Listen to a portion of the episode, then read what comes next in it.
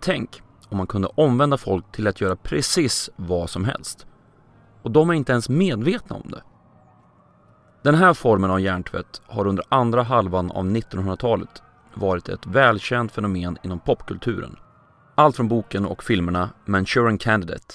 I must ask you to forgive their somewhat lackadaisical manners, but I have conditioned them, or brainwashed them, which I understand is the new American word. Till Nakna Pistolen. Men det var också en genuin rädsla från västvärldens underrättelsetjänster, särskilt efter Koreakriget, då amerikanska soldater utsattes för hjärntvätt. Tänk om en av dem som återvände hem egentligen var agent för öst. Men tänk om man inte ens behövde gå så långt så att någon behöver omvändas. Tänk om det gick att spionera på en militärbas genom alla dörrar och väggar på distans, oavsett hur stängd basen är. Eller tänk om du kunde ta död på en terrorist eller fiendens befälhavare genom att bara ha ett kort framför sig. Ja, kanske en av de mest spännande aspekterna med det här är att det egentligen inte är en konspirationsidé från början. Amerikanska underrättelsetjänsten försökte verkligen hitta ett sätt, en metod eller en drog för att både skydda sig mot men också skapa de här hjärntvättade superlönnmördarna. Dessutom fanns det högt uppsatta militärer som på fullaste allvar var övertygade om att man kunde spionera och till och med döda genom enbart tankekraft. Att USAs underrättelsetjänst på fullaste allvar ägnats åt den här typen av studier har fått en del konspirationstroende att gå i spinn. För om militären och underrättelsetjänsterna studerar de här fenomenen måste de ju också vara verkliga. Och det i sin tur innebär att man hållit det hemligt. Och det här med viljelösa robotar eller eh, fjärrsyn för spionage och lönnmord passar dessutom perfekt in i konspirationstroendets världsbild. För om man tänker efter så har den här specifika idén massor med konspirationsinslag. Här hittar vi USA, militär och underrättelsetjänster, hemliga experiment, personer det inte går att se på om de är under någon annans kontroll, astralkroppar och så mycket annat. Se till att vira aluminiumfolien några extra varv runt huvudet och ta inte emot dryck eller cigaretter från någon. För även om ni inte vet om det så ska ni vara välkomna till det här avsnittet av Kvalificerat Hemligt. Den här gången om de amerikanska spionprogrammen MK Ultra och Stargate. Unwitting persons. Uh, you mean a a hostile agent in an, of another government? No, I I mean think that was probably I mean, one of the things they had in I mean, mind. testing it out on an American citizen. Who is the most effective assassin? Well, I would think anyone who manages to conceal his identity as an assassin. Yes. But there is even a more ideal assassin. One who doesn't know he's an assassin. In their never ending search for the miracle weapon, CIA operatives searched here in the remote mountain areas of southern Mexico for what up to then had been considered a myth magic mushrooms. There are more than 200 million people living in the United States today. 51 of them are Soviet deep cover agents, hypnotically programmed to become instruments of total destruction. They don't know who they are, but one man knows that all it will take to trigger them is a simple phone call.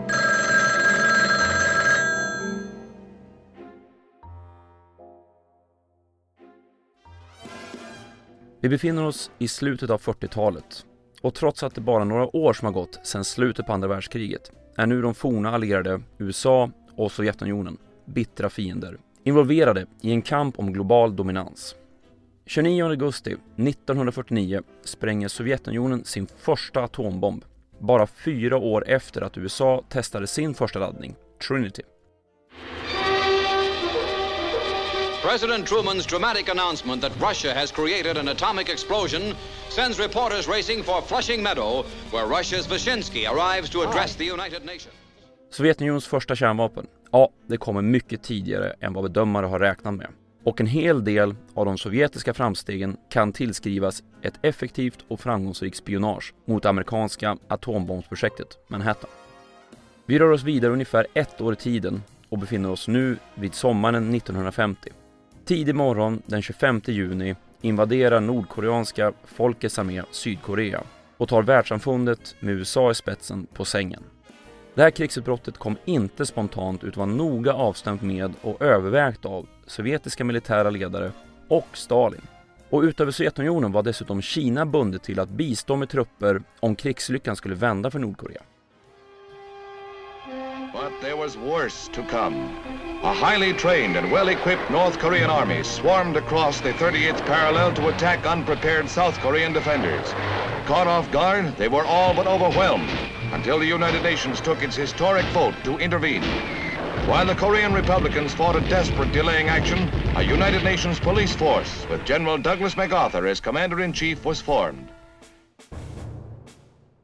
I det här läget, ja, då ansågs USA skyldig att hjälpa Sydkorea och fick snart med sig en internationell FN-styrka för att mota Nords angrepp. Snart står hela den koreanska halvön i brand. Striderna, de böljar fram och tillbaka och båda sidor tar krigsfångar.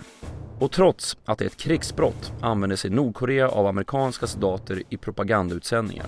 Det soldaterna sa i de här framträdandena skrämde den amerikanska militären. För männen, de tycks ha helt vänts om och stod nu på Nordkoreas sida. De anklagade USA för krigsbrott och att Sydkorea låg bakom kriget. Man fruktade att männen hade blivit hjärntvättade. Men frågan är bara, hur hade det gått till?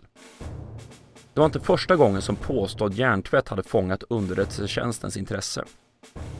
1949 hade västmakternas underrättelsetjänster reagerat på en rättegång mot Ungerns ärkebiskop Josef Mindszenty. Under rättegången erkände Senti att han försökt störta kommunistpartiet och att han planerade att starta ett tredje världskrig. Intresset från underrättelsetjänsterna kom från uppfattningen att Ungern och, i förlängningen, Sovjetunionen hade utsatt ärkebiskopen för hjärntvätt. Att man genom droger eller andra metoder fått Mindszenty att tro att han verkligen hade legat bakom de här påstådda brotten. Tack vare den paranoida stämningen som rådde rent allmänt under kalla kriget och särskilt under tidigt 50-tal var det flera personer inom amerikanska CIA som var oroliga för att Sovjetunionen redan hade verktyg för att omvända agenter och amerikansk personal. Och som ni alla vet så är ju anfall bästa försvar. Från amerikanska militärens och CIAs sida hade man redan tidigare försökt att hitta sätt att få personer i förhör att erkänna, oavsett hur välutbildade de var i förhörsteknik. Projekt som amerikanska flottans Project Chatter CIAs projekt Bluebird och Artichoke drogs igång i slutet av 40 och i början av 50-talet för att försöka hitta den eller de droger som skulle göra misstänkta personer vidöppna för underrättelsepersonalen och ge dem viljan att avslöja alla sina hemligheter. Och även om Project Artichoke även involverade aspekter av försök med tankekontroll så var det först 1953 som man på allvar började studera det här. Programmet MK Ultra startades av CIA-kemisten Sidney Gottlieb i april 1953 på order av dåvarande chefen för CIA, Alan Dulles. Bokstäverna MK kom från det faktum att programmet sorterade under tekniska utvecklingsavdelningen och termen Ultra från högsta graden av säkerhetsklassning. En av de stora drivkrafterna för det här programmet var just misstanken om att kommunistländer hade tagit fram en teknik eller droger som uppenbart omvände amerikanska soldater. Förhoppningen, den var att hitta både defensiva och offensiva verktyg, skydd för de egna agenterna och trupperna och vapen mot motståndarnas agenter, militärer och politiska ledare. Då CIA inte besatt någon större vetenskaplig organisation var man tvungen att lägga ut mycket av studierna och arbetet till andra organisationer. Och för att upprätthålla hemlighetsmakeriet skapades frontorganisationer genom vilka man slussade pengarna till olika lärosäten och individer för att bedriva forskning. Allt från olika typer av aktiva substanser, hypnos, sensorisk isolering till psykiatriska behandlingar och sexuella avvikelser. Över 80 olika institutioner, universitet och högskolor kom att användas för att utföra studier åt CIA på både frivilliga men också ovetande försökspersoner. Eftersom frontorganisationer användes vid upprättandet av försöken var det väldigt få som visste om att de faktiskt gjorde ett jobb åt underrättelsetjänsten. Programmet det innehöll nästan 150 delprogram och pågick för full kraft mellan 1953 och 1964 då man minskade programmets omfattning. 1967 gjorde man ytterligare neddragningar för att slutligen helt stängas ner 1973. När man så stängde ner programmet bestämde sig dåvarande CIA-chefen Richard Helms för att säkerställa att så mycket av programmets dokumentation som möjligt skulle förstöras. Skälet till att förstöra materialet var troligtvis av ren professionell skam då försöken inte gav något matnyttigt trots att enorma resurser hade pumpats in i programmet. Dessutom kunde det finnas ett skäl att hålla ryggen fri från stämningar från de ovetande deltagarna i försöken. Oavsett vad skälet till förstörandet av bevisen var så innebär det att mycket av kunskapen och informationsspridningen, ironiskt nog, hängde på hur talföra männen bakom programmet var. Men trots att man försökt så fanns det fortfarande en hel del dokumentation om vad som försiggått kvar. Och den informationen, ja, den hittades snart ut till media. Under första halvan av 70-talet kom avslöjanden i snabb takt. Dels MK-Ultra, dels att militären hade spionerat på lagliga demonstrationer i USA, dels att CIA hade öppnat post samt försökt och ibland lyckats mörda utländska politiska ledare. De här avslöjarna, ja, de ledde till att amerikanska senaten och president Gerald Ford etablerade utredningar. Church Committee respektive Rockefeller Commission. Senatens utredning det vill säga Church Committee, leddes av senator Frank Church. Och han, han ledde ett 16 månader långt arbete där man gick igenom en stor mängd dokument och höll utfrågningar med ett antal utvalda individer. Men man höll också offentliga utfrågningar, som här, där CIAs dåvarande chef William Colby frågas ut. Do you have any idea what volume of records were destroyed? I do not know. You know who authorized the destruction, if anyone? As I said, there was a memorandum of agreement between the, the uh, director and, and Mr. Gottlieb at that time. And the director at that time was? Mr. Helms. Church-kommittén gav ut två rapporter. En offentlig och en hemligstämplad. Som tillsammans med andra utredningar i förlängningen ledde till att den så kallade Foreign Intelligence Surveillance Act of 1978 skapades. Det är en federal lag som begränsar underrättelsetjänsternas rätt till övervakning. Okej, okay, där har vi historien. Men varför är just MK Ultra ett sånt rött skynke för konspirationstroende? Varför har det här programmet blivit det främsta argumentet för att om CIA kan ägna sig åt sådana här saker så vet man aldrig vad de mer gör? Vi får ta oss tillbaka till starten för programmet 1953 och det fokus man la vid framförallt en substans, lysergsyra dietylamid. I dagligt tal tre bokstäver. LSD. LSD var vid den här tiden förvisso känt för sina hallucinogena egenskaper men var så pass svårframställt att det inte användes för annat än experimentella psykiatriska behandlingar. Programledarna för MK Ultra närde ett hopp om att den psykedeliska drogen skulle även kunna öppna upp den som var påverkad för extern övertalning på ett helt annat sätt än vid vanliga förhör och med vanliga droger. Försök gjordes på frivilliga deltagare vid universitet. Men försök gjordes även på psykiskt sjuka, prostituerade och dömda brottslingar i fängelse. I ett omtalat fall hölls till exempel sju patienter konstant höga på LSD under 77 dagar i sträck. CIA de etablerade även egna bordeller i New York och San Francisco under det föga fantasifulla namnet Operation Midnight Climax. Här använde man sig av de prostituerade för att utpressa männen som köpte de prostituerades tjänster att ta LSD. Det som följde på detta filmades genom envägsspeglar och utvärderades. Men det var inte bara ofrivilliga civilister som åkte på oväntade LSD-trippar. Även anställda inom programmet tog LSD frivilligt för att få en förståelse för effekterna av drogen. Men det blev också något av en vana för CIA-personal att spetsa varandras kaffe, drinkar eller mat med drogen för att se vad som hände. Med en så pass potent drog var det inte konstigt att saker kunde gå väldigt snett.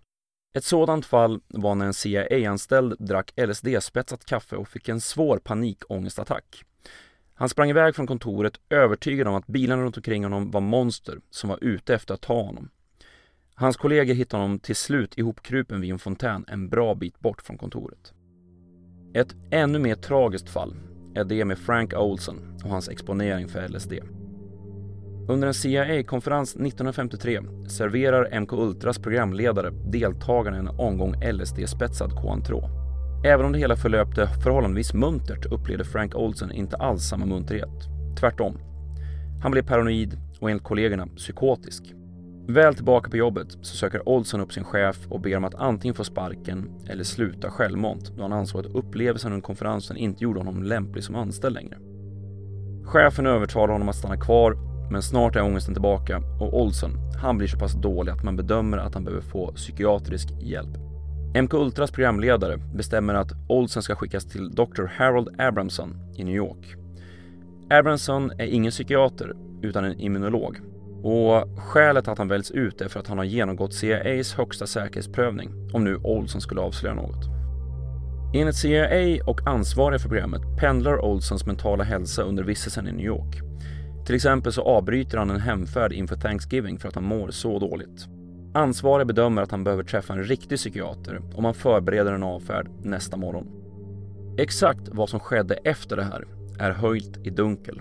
Men enligt CIA vaknade en man som är satt att hålla Olsen sällskap mitt i natten av att Olsen kastar sig handlöst ut genom fönstret och faller mot sin död på gatan 13 våningar nedanför. CIA-mannen som höll Olsens sällskap ringer först sina chefer för att sedan ta itu med polisen som kallas till platsen. Vad som nu följer är en utdragen process där CIA försöker påvisa att Olsen led av depressioner innan han fick LSD-dosen. Att han var tillräckligt deprimerad för att ta sitt eget liv och att kopplingen till MK Ultra inte hade med saken att göra.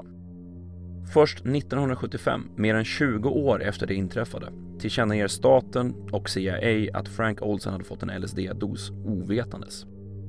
Men Olsens historia tar inte slut här. 1993 grävs hans kropp upp av familjen och en grundlig undersökning görs. Den kommer fram till att huvudet på Frank Olsen utsatts för trubbigt våld innan fallet, vilket skulle möjligen peka på att Frank Olsen mördades. En teori som sönerna till Frank vidhåller än idag. Skälet att han i så fall mördades var för att hålla MK Ultra hemligt. Än idag vet man inte exakt vad som hände med Frank Olsen, om han tog livet av sig eller om han mördades. Det var inte bara LSD som användes för att försöka dyrka upp personers medvetande. Även hypnos, elchocker och sensorisk isolering förekom, inte sällan i olika kombinationer. Experiment utfördes även utanför USA särskilt i de fall som projektledarna uppfattade testerna som riskfyllda. Exempelvis kontrakterade man läkaren Donald Cameron i Kanada för att göra försök i det som Cameron själv kallade för psychic driving. Försökspersonerna, de hölls i en form av koma, ofta under påverkan av till exempel LSD. Samtidigt som de fick lyssna på korta, enkla ljudmeddelanden som upprepades under flera dygn i sträck för patienten. Men det här var inte nog. Cameron gick ett steg längre och började göra försök med kombinationer av droger, ljudmeddelanden och minnesförluster orsakade av stora mängder kraftiga elchocker. I ett sådant stadie, resonerade Cameron, kunde man applicera den här så kallade psychic driving för att omforma personen. Kanske inte så konstigt att de här försöken inte gav några direkta resultat som förde CIA närmare målet. Däremot orsakade Camerons försök stort lidande bland de som utsattes. Permanenta minnesförluster, förlorat korttidsminne, inkontinens och till exempel försökspersoner som glömmer bort vilka deras föräldrar var. Och det här var giltigt för många av experimenten under MK-Ultra. Framstegen var minimala medan lidandet och kränkningarna var desto större. Men det finns de som hävdar att hela poängen med MK-Ultra egentligen inte var att hitta ett sanningsserum utan att finslipa förhörs och tortyrmetoder. LSD-försöken var bara en front för att folk skulle avfärda det hela som flumexperiment. Ja, den idén stöds inte riktigt av den dokumentation och de utredningar som gjorts. Däremot för det in oss på just den nämnda konspirationssidan av MK-Ultra. För tack vare programmets utformning, extremt stora hemlighetsmakeri samt ett underlag som förstördes för att dölja hela programmet så har det blivit något av konspirationsvärldens heliga graal. För en nation och underrättelsetjänst som kan tänka sig att behandla sina och andra länders medborgare på det här sättet kan uppenbarligen gå ännu längre utan att vi vet om det. Och att de dessutom producerar ännu mer avancerade verktyg än idag. Men om vi ska titta på lite mer konkreta teorier så är en av dem som kan kopplas till MKUltra, förutom Frank Olsons självmord eller mord, förgiftningen av den franska byn Pont Saint-Esprit i södra Frankrike 1951. I slutet av sommaren insjuknar mer än 250 personer i byn Pont Saint-Esprit i något som närmast kan liknas vid matförgiftning i kombination med ett psykedeliskt rus. Det går så pass illa att ett 50-tal personer får läggas in på psykiatrisk institution och fem personer avlider. La paisible petite ville de Pont-Saint-Esprit a été la proie de ce mal inexplicable qui a frappé près de 200 personnes. Des crises de folie hallucinatoire dues à la présence dans le pain de l'ergotine, le poison des céréales, ont fait plusieurs morts. Experters bedömning av det som skedde i Pont Saint-Esprit är att ett lokalt bageri sålt det som i folkmun kallas för pain maudit, fördömt bröd. Troligen använde sig bageriet av råg som var kontaminerat av mjöldryga, en eh, mögelsvamp som bland annat används för att framställa LSD. Men eftersom mjöldryga innehåller aktiva beståndsdelar som nyttjas i LSD är det inte särskilt svårt för konspirationstroende att dra sina egna slutsatser om det som skedde. Deras version är att byn användes som ett enda stort experiment där byborna var försökskaniner i någon form av extremt hemlig operation, antingen under projektet Artichoke eller något ännu hemligare. Ja, man kan ju fråga sig varför det här skulle behövas när man hade stora mängder fångar, psykiskt sjuka och folk inom CIA och Försvarsmakten. Den frågan besvarar inte konspirationsidén. Inte heller varför CIA skulle riskera att avslöja ett extremt topphemligt program i ett tidigt skede när man alltid tittade sig oroligt över en bild i axeln så att inte Lede Fi skulle förstå vad som pågick. Att LSD går ut i kroppen och ger en effekt förhållandevis snart medan byborna börjar uppleva effekten först ett och ett halvt dygn senare förklaras inte heller. Som så ofta tidigare kan man alltid bortförklara bevisen mot en konspiration med att säga det bara vad de vill få det att tro. Utöver förgiftningen i Pont Saint-Esprit och Frank Olsons död används MK-Ultra mest som ett varnande finger i konspirationskretsar. Om CIA kunde göra de här sakerna för 60 år sedan, tänk vad de kan ägna sig åt nu. Samt som en typ av syndabock för vad som överhuvudtaget sker i världen. Gör en sökning på nätet efter MK-Ultra och se vilka träffar ni får. Precis allt som har hänt och händer kan tydligen kopplas till MK-Ultra. Från chemtrails till skådisen Shia LaBeoufs beteende är på grund av MK-Ultra. Make your dreams come true! Just do it! Eller så är det inte bara Shia LaBeouf, det är faktiskt hela Hollywood. Fråga bara komikern och skådespelerskan Roseanne Barr här i en intervju med den ryska statligt kontrollerade kanalen RT. Um, you know, and, and it's a, a big culture of uh, mind control too. MK Ultra mind control rules in Hollywood. If, if you don't know, Google that and look into it. Under 1970-talet började amerikanska underrättelsetjänster få indikationer på att Sovjetunionen spenderade stora summor pengar på så kallad psykotronisk forskning. Det vill säga studier av telepati, klärvoajans och telekinesi. I en värld där varje upplevd fördel för kommuniststaterna uppfattades som ett gap och amerikanska försvaret och underrättelsetjänsten inte sena att försöka ta igen det här upplevda försprånget. 1972 får det fristående forskningsinstitutet Stanford Research Institute i uppdrag av CIA att undersöka potentialen i psykotroniska metoder. Två män på SRI, Hal Puthoff och Russell Targ, får i uppgift att pröva ut metoder och lämpliga försökspersoner. En av försökspersonerna var Uri Geller, som av båda männen uppfattades som en äkta parapsykolog.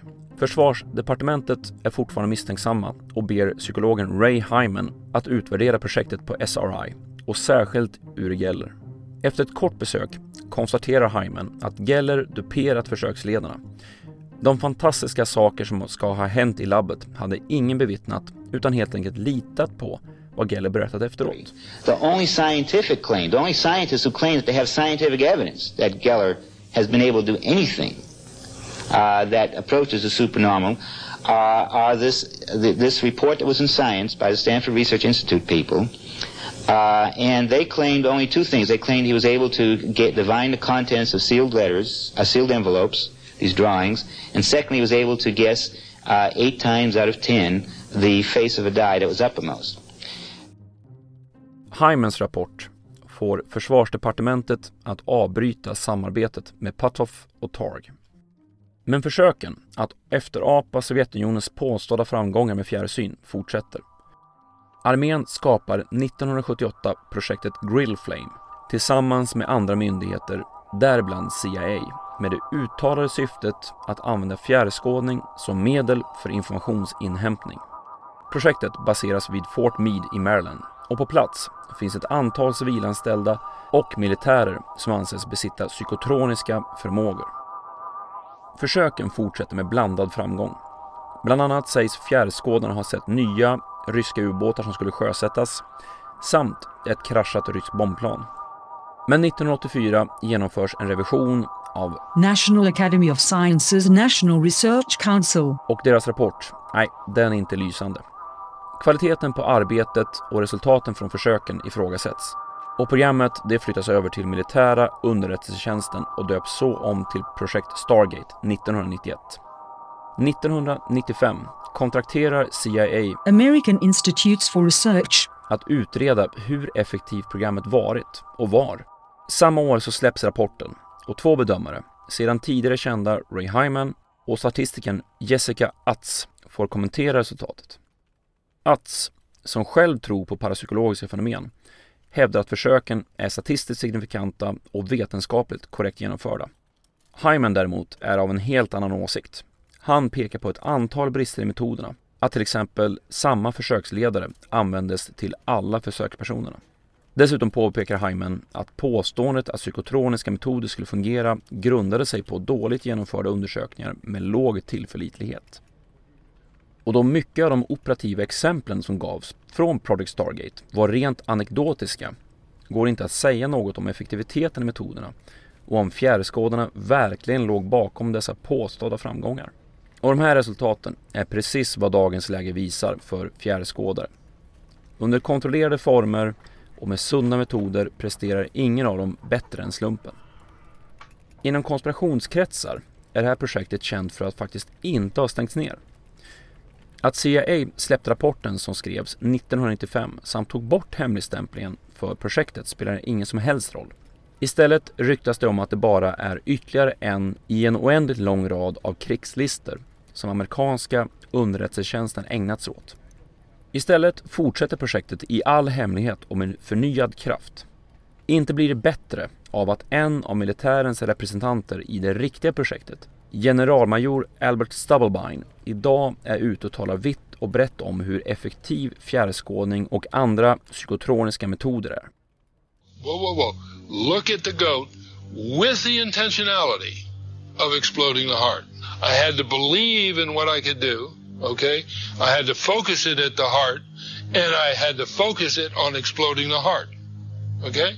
Now, I have seen evidence that it is possible. Och kanske bör vi tillägga att den här Stubblebine försökte bevisa de psykotroniska metoderna genom att passera springandes genom en vägg med tankens kraft.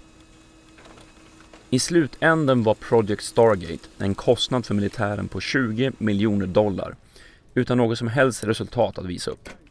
MK Ultra hade tagit emot desto mer pengar. När programmet var som störst veks dryga 6% av CIAs forskningsbudget till studier av hjärntvätt och psykedeliska droger.